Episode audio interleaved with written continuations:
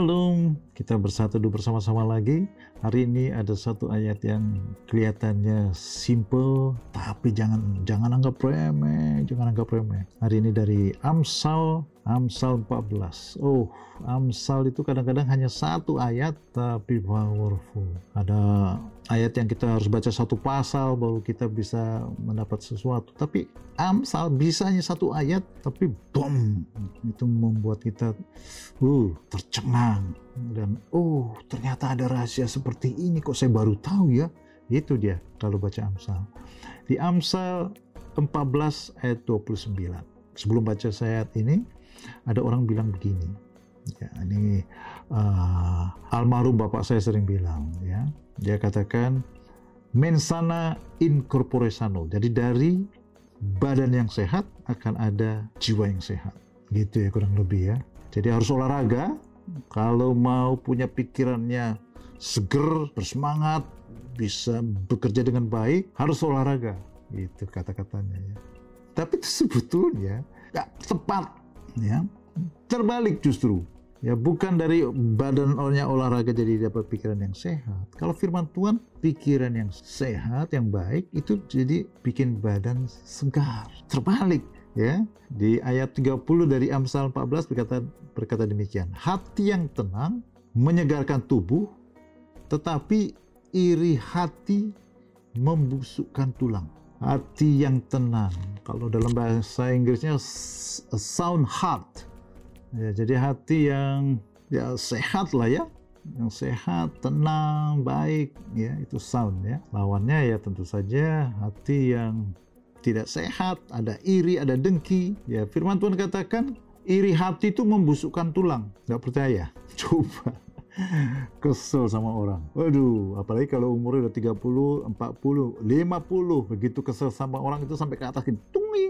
Wah, aduh, kalau tiap hari begitu bisa cepat stroke karena tegangannya begitu tinggi itu. Ya, pikiran-pikiran iri, dengki, kesel, jengkel, marah, itu pengaruhnya ke badan. Ya waktu umur masih 15-an mungkin nggak terlalu terasa. Pasti ada tapi mungkin dianggap ah biarin aja biarin aja. Gitu ya biasanya kalau masih muda ya. Tapi kalau orang semakin tua kesel aja nggak usah diomongin kesel aja gitu ya. Mungkin istri kesel sama suami mungkin suami kesel sama istri kali karyawan kesel sama bos kali bos jengkel sama anak buahnya kali ya. Itu kalau disimpan itu bisa uh, apalagi ditambah akumulatif ketemu orang yang sama lagi mengalami yang sama. Itu bisa bertumpuk tumpuk tumpuk tumpuk. Firman Tuhan katakan membusukkan tulang. Gimana kalau tulangnya busuk ya? Ya pasti nggak sehat lah ya. Pasti ke mana-mana penyakit. Waduh jangan deh. Tapi firman Tuhan katakan hati yang tenang menyegarkan tubuh. Waduh tubuhnya jadi segar. Mau 50 mau 60 kita lihat ya ada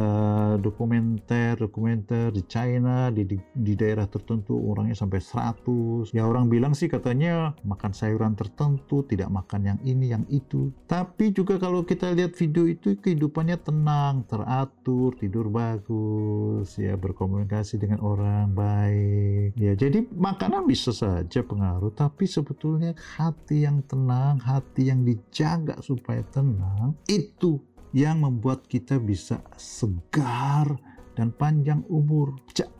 Harus dijaga sebab itu. Gak bisa kita otomatis tenang saja. Kalau kita masih hidup, pasti kita bertemu dengan orang lain, pasti kita berinteraksi dengan orang lain, dan pasti ada gesekan, ada perkataan yang tidak dimaksud demikian mungkin, tapi melukai. Ya, apalagi orang semakin dekat, salah bicara itu sakitnya lebih besar daripada orang di jalan raya, mungkin di pasar ngomong yang mungkin tidak berkenan kepada kita.